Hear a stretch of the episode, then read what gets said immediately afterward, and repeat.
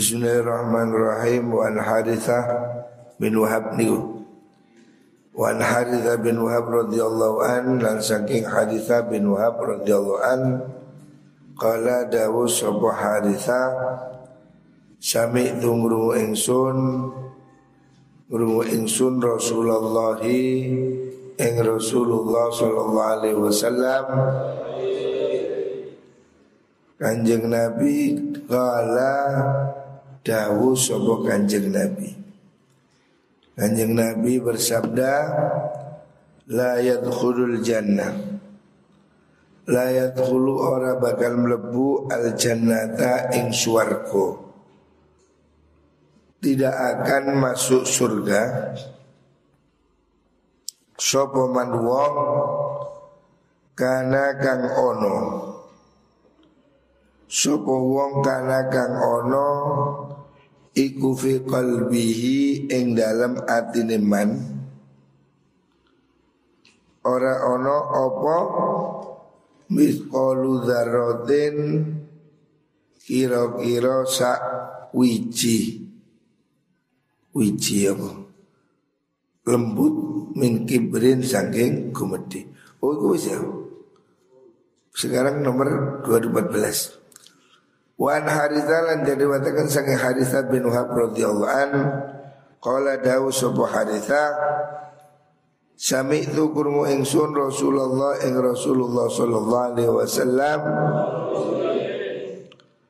Yaqulu dawu sapa Kanjeng Nabi Ala ukhbirukum. Ala ukhbirukum ana ta ora ingsun kum ing sira kabeh Ala ukhbirukum ono to ora nyritani ingsun kum ing sira kabeh bi ahli nari kelawan ahli neraka. Kamu mau saya kasih tahu siapa penduduk neraka itu? Orang yang calon penghuni neraka itu sudah ada indikasinya. Siapa orang calon penghuni neraka? Terus pendiwang Kullu utulin Kullu utulin iku saben-saben wong kang Kullu utulin Saben-saben wong kang berhangasan Utulin itu orang yang Apa namanya uh, mokong apa ya? Utulin itu orang yang yang kasar rakus gitu. berangasan. Coro makna Jawa berangasan. Nopo berangasan? Eh?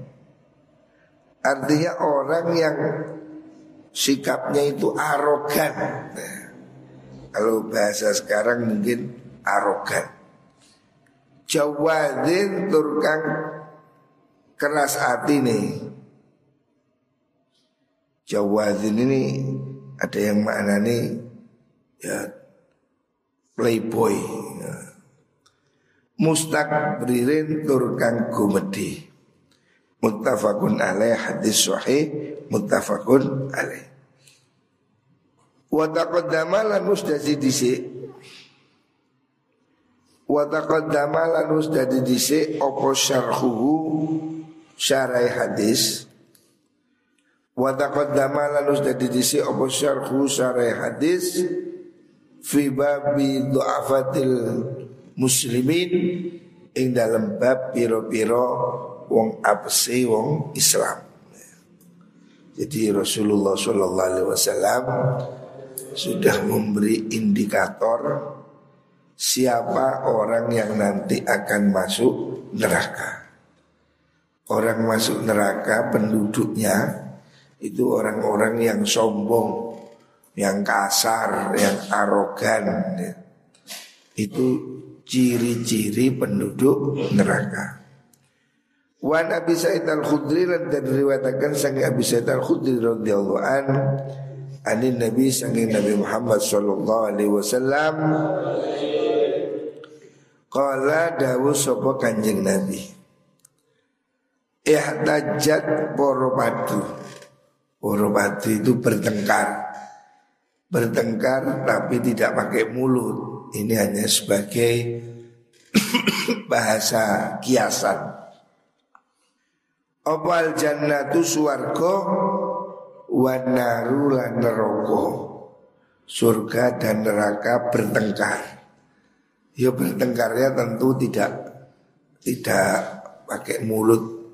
Ya kan bukan manusia tapi ini adalah sebagai apa? Bahasa tubuh atau bahasa situasi. Terjadi pertentangan bertolak belakang antara surga dan neraka. Fakolat mongko ngucap sopan naru neraka fiyal jabarun. Fiya iku ing dalam ingsun Al Jabbarun utawi wong kang sombong-sombong. Neraka berkata Saya ini tempat yang hebat. Orang-orang sombong ada di sini semua. Hitler, Stalin, diktator-diktator itu ada di sini semua. Hebat. Berarti saya ini tempatnya orang hebat Wa qala ngucap sopal jannatu suwargo fiya dufa du'afa unnas. Fiya iku tetep ing dalem ingsun du'afa unnas utawi piro-piro wong apesi menungso. Kalau di tempat saya ini orang-orang lemah. Yang masuk surga ini orang-orang lemah. Orang-orang yang tidak sombong. Wa masakinahum wa masakinuhum lan piro-piro wong miskine du'afa yang ada di surga ini orang-orang miskin, orang-orang yang tawadu, yang di neraka orang-orang yang sombong.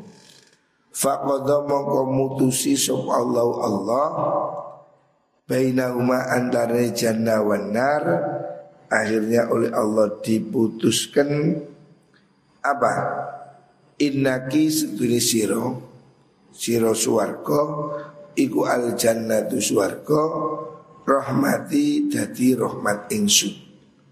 Surga itu kamu tempat rahmatku. Arhamu melasi ingsun Bika kelawan siro Man ing wong Asya'u kang ngarpaken ingsun. Orang tertentu yang saya kehendaki saya masukkan surga. Jadi yang memasukkan surga itu rahmatnya Gusti Allah. Bukan hanya amal. Ada orang yang memang dikasih Allah masuk surga. Walaupun mungkin amalnya sedikit. Wa inna kilan sudri siro iku annaru neroko. Adabi iku dadi sikso ingsun kamu neraka menjadi tempat siksaan. U'adzibu nyiksa ingsun. U'adzibu nyiksa ingsun.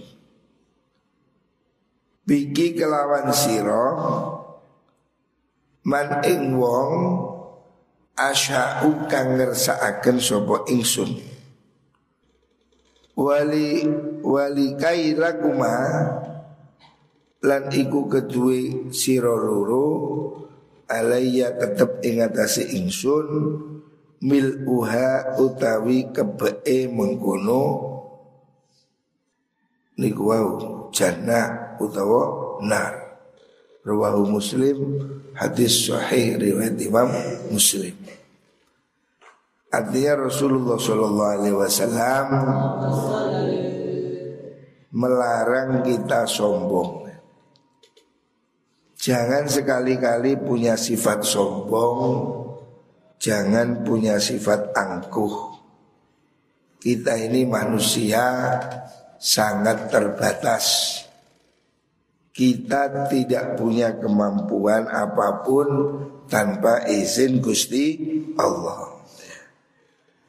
Jangan ada kesombongan sedikit pun Kalaupun kita ini diberi kelebihan, kalaupun kita ini punya sesuatu, itu semuanya dari Gusti Allah. Hendaknya belajar tawaduk ya. Bahwa tawaduk inilah ciri orang nanti akan masuk surga. Ya. Surga nanti akan penuh diisi orang-orang yang rendah hati, orang-orang yang beramal soleh, orang-orang yang manut petunjuk kanjeng Nabi. Sebaliknya neraka, neraka ini akan milih penumpang untuk orang-orang yang jelek, jahat, sombong, arogan. Jadi kita ini sudah bisa pesan Kamu mau pesan surga atau neraka Sudah bisa. Ya Pengen surga apa neraka? Nah, Pengen surga Cok turuan aja ngantu Lek pengen surga ya sing sergap Uh bantu Ngaji jamaah sing sergap Semuanya sudah ada kuota Surga ada kuota, neraka juga ada kuota. Tawadu itu paspor masuk surga. Sombong itu paspor masuk neraka. Hadis sahih rawah Muslim. Wa Nabi Hurairah radhiyallahu an anna Rasulullah sallallahu alaihi wasallam qala dawu Nabi la yanzurullah. La yanzuru ora bakal ningali rahmat. Ora bakal melasi maksudnya. Tidak akan melihat dengan kasih. Sopa Allah Gusti Allah Yaumal kiamati ing dalam tino kiamat Ilaman maring wong Jarro kang nyeret sopoman Nyeret izarohu ing jari te jari itu ya sarung atau pakaian man batoron kelawan gumedi muttafaqun alaih hadis sahih muttafaqun alaih. Maksudnya ini begini ya ini supaya jangan salah paham. Sekarang ini ada gerakan celana cingkrang sak dengkul itu apakah memang begitu ya sebetulnya tidak harus yang penting orang ini tidak boleh sombong. Ya. Intinya sebetulnya soal sombong. Pada zaman Rasulullah SAW orang pakai celana apa kan pakai sarung atau pakai jubah itu kalau kombrong itu menunjukkan status kaya. Sebab kain harganya mahal. Pakaian pada zaman itu mahal. Makanya orang beli pakaian itu sebagai sesuatu yang elit. Zaman dulu Zaman dulu pakaian itu mahal. Makanya kalau ada orang pakai pakaian yang kelembre. Kelembre sih berlebihan maksudnya. Kayak manten, lu manten kan Nah, manten biasanya kan roke rong meter Lah itu sing gak oleh itu kali. Kan menunjukkan ke kemewahan dong. Manten-manten itu loh, kamu lihat gaunnya pengantin kan ngeluembreh nih Itu kan menunjukkan kemewahan berlebihan. Itu sebenarnya nggak boleh itu, itu. Ya. Yang nggak boleh itu beraksesoris berlebihan jadi pakaian yang panjang sehingga nyapu jalan. Kalau cuma pakaian sampai ke betis, nggak masalah. Yang tidak boleh itu yang sampai jatuh ke tanah. Yes contoh sing jelas yo kambine manten itu. Lah yang diseret begitu itu tidak boleh. Sampai di belakangnya digandoli. Kayak iso melaku gak diangkat. lah yang itu loh nggak boleh. Sebab itu menunjukkan apa berlebihan ya. Menunjukkan apa israf. Itu nggak boleh. Jadi manten jadi gak kudu gawe gaun ngono iku mang. Gawe jari ngono Jadi pakaian yang menjuntai sampai ke bawah yang nutupi kaki sampai nutupi tanah itu ya tidak boleh. Bab itu ekspresi dari kemewahan berlebihan ya. Ada sombong. Nah itu juga yang dilakukan oleh raja-raja Romawi, raja-raja Eropa kan pakai jubah begitu. Gombrong. Itu tidak boleh. Tapi kalau cuma celana panjang sampai mata kaki tidak apa-apa. Karena itu kan tidak niatan sombong. Sarung sa, sa, mata kaki tidak masalah. Karena kan tidak sombong, umum kan. Mulai lagi sarung 10 meter terus kayak layangan, nah itu sombong. Berlebihan. Jadi titiknya itu tidak disukai Allah itu di berlebihan. Sombongnya itu dia nggak boleh. Jadi ya tidak harus tidak harus cingkrang sak dengkul ya ora. Iku lak celono karate. Ya celono wajar sama mata kaki tidak apa-apa. Yang penting tidak sampai jatuh ke tanah. Yang penting tidak ada niatan untuk sombong. Wa anhu jadi kalau nggak ada sombong nggak ada masalah. Wa anulan saking Abi Hurairah qol qala Rasulullah sallallahu alaihi wasallam salah satu utawi wong telu iku la yukallimuhum orang gunemi orang gunemi nggak nyopo maksudnya tidak direken atau diomong tapi diomong dengan kasar ya tidak ramah Layu kalimuhum tidak membicara, tidak menyapa. Hum ing talasasub Allah Allah yaumal kiamati ing dalam dino kiamat. Agar ada tiga kelompok yang nanti itu tidak disapa Gusti Allah.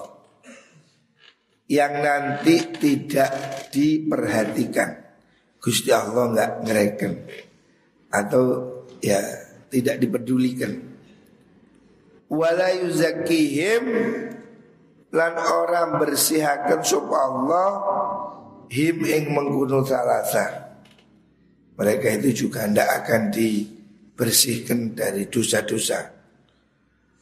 Wala yang lan orang ningali sub ilaihim maring salasa ada tiga orang yang nanti tidak disapa, tidak dibersihkan dan tidak dilihat, artinya tidak dirahmati Allah. Artinya orang yang akan sangat dibenci Allah. Ya.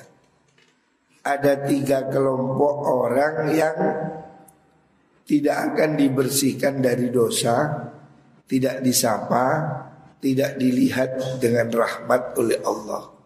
Wih berat ini, berat. Tiga orang ini naudzubillah berat.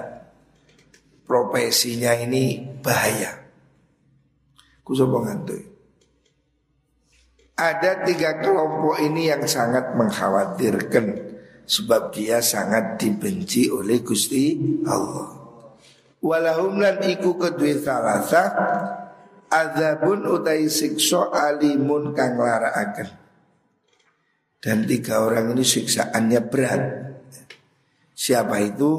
Yang pertama Syekhun Wong tua Zanin Kang Zino Orang sudah tua Tua ini gue bintan Ya 50 ke atas Orang yang sudah 50, 60 Apalagi 70, 80 Oh bahaya ini Orang sudah tua masih suka berzina.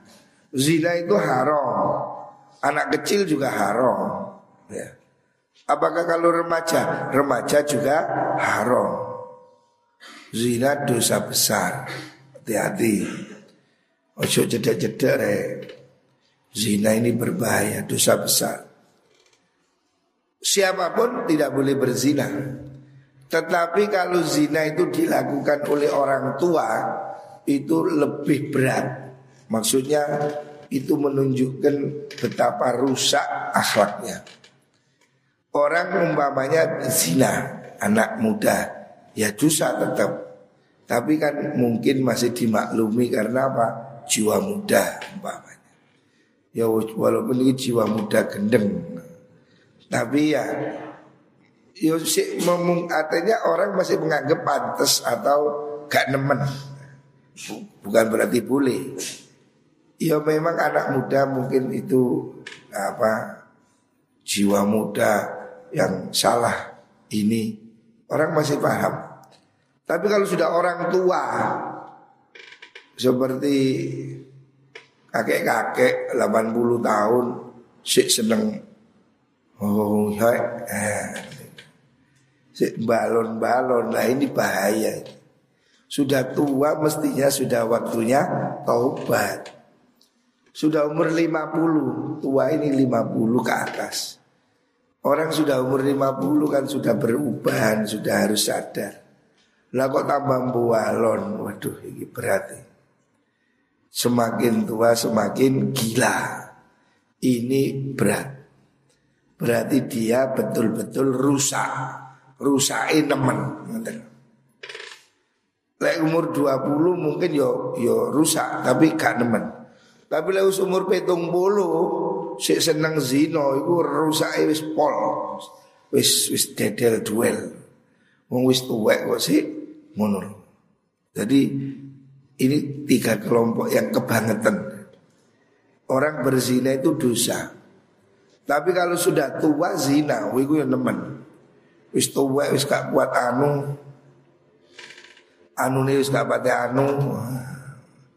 Berarti kalau dia itu sih zina yo ngoyo.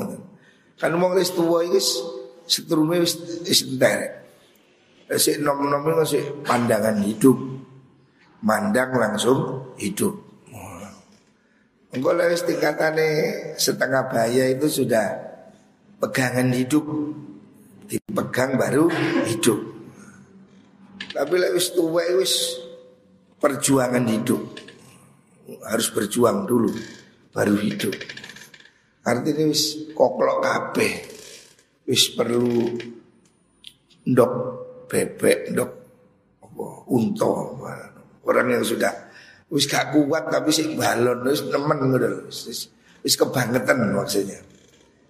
Wa malikun lan ratu atau raja pemimpin kadzabun kang tukang goroh. Bohong itu jelek, siapa pun tidak boleh bohong. Bohong itu apa watak yang buruk. Orang bohong itu jelek. Tapi kalau yang bohong itu pemimpin sangat jelek. Sebab apa? pemimpin ini punya kekuasaan. Seorang pemimpin ini kan dia mempunyai segalanya. dia kan nggak perlu bohong. Mungkin orang miskin perlu bohong demi sesuap nasi.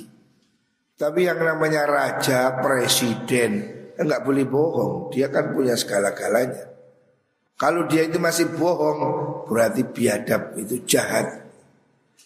Apalagi membohongi pada rakyat, pencitraan. Itu dosa. Pemimpin yang bohong tidak akan masuk surga. Sebab pemimpin ini kalau bohong Kurbannya se-Indonesia Atau se-negara. Kalau seorang pemimpin bohong Efeknya ngena semua orang. Kalau kita-kita ini bohong ya dosa. Tapi bohongnya ini ya Tidak membahayakan banyak orang. Paling bohong satu orang, dua orang. Tapi kalau seorang pemimpin bohong Wah sak negara kena tipu, kena prank semua. Makanya pemimpin yang pembohong tidak akan masuk surga. Wa'ilun. Wa'ilun lan wong kang melarat. Orang fakir. Mustakbirun kang sombong. Sombong itu jelek Tapi orang miskin sombong nemen eleke. Sombong itu jelek, siapa pun tidak boleh sombong. Tetapi kalau kesombongan itu dilakukan oleh orang fakir, kesombongan dilakukan orang miskin, itu nemen elek. Sebab orang miskin itu kan tidak punya tidak punya kekuatan untuk sombong. Si disi sombong apa? Kalau orang kaya kan sombong kayanya, maklum. Orang apa namanya pinter, sombong pinter. Dan lewis melarat sombong, repot. Si disombong no apa nih? Wong penggaweane gak jelas wis rokok Eji Samsu. Ini sombong. Banyak orang itu ngoyo demi gaya.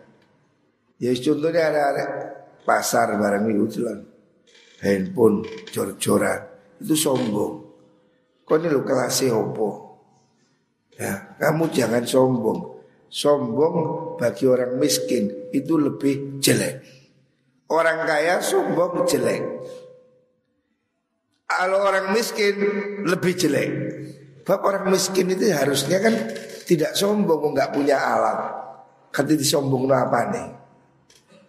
Jadi kalau miskin sombong berarti nemen gendengi. Artinya tabiatnya itu jeleknya luar biasa. Karena dia itu sebetulnya tidak punya alat untuk melakukan sombong. Sombong itu kan dosa. Tapi orang kaya sombong ya karena dia punya kaya. Ada pendorongnya lah. Innal insana layat arro'ahus tahna. Orang kaya sombong si orang pantas sih. Walaupun tidak boleh, tapi kan dia sombong, sumbut. Lalu wis melarat sombong. Layus entai. Apa nih jadi sombong no? Makanya itu jelek sekali. Ini hadis urwahu muslim. Hadis ini sahih. Artinya Rasulullah Sallallahu Alaihi Wasallam ini mengatakan tiga kelompok ini sangat jelek. Kenapa kok disebutkan cuma tiga? Yang jelek ya banyak pekerjaan jelek lain. Cuma tiga hal ini menunjukkan kejelekan yang luar biasa sudah tua ahli zina kan nemen elek wong sudah ikune wis gak pate urip wis gak tahiyat. Wis sudah tidak tidak atahiyat kok sik balon? Kan ngoyo. Dia harus mempunyai ekstra jos atau atau obat. Makanya itu nemen. Orang tua berzina. Memimpin berbohong. Itu juga sangat bahaya. Menjelakakan orang lain. Yang ketiga orang melarat yang sombong. Itu kan tidak ada keperluan. Ngapain sombong melarat? Makanya tiga ini dianggap keterlaluan. Sangat kebangetan. Sebetulnya sombong siapa pun tidak boleh. Tapi bagi orang miskin ini kebangetan. Sudah miskin tapi sombong. Makanya kita harus menjauhi tiga sifat ini mukum muga dilindungi Allah Subhanahu wa taala.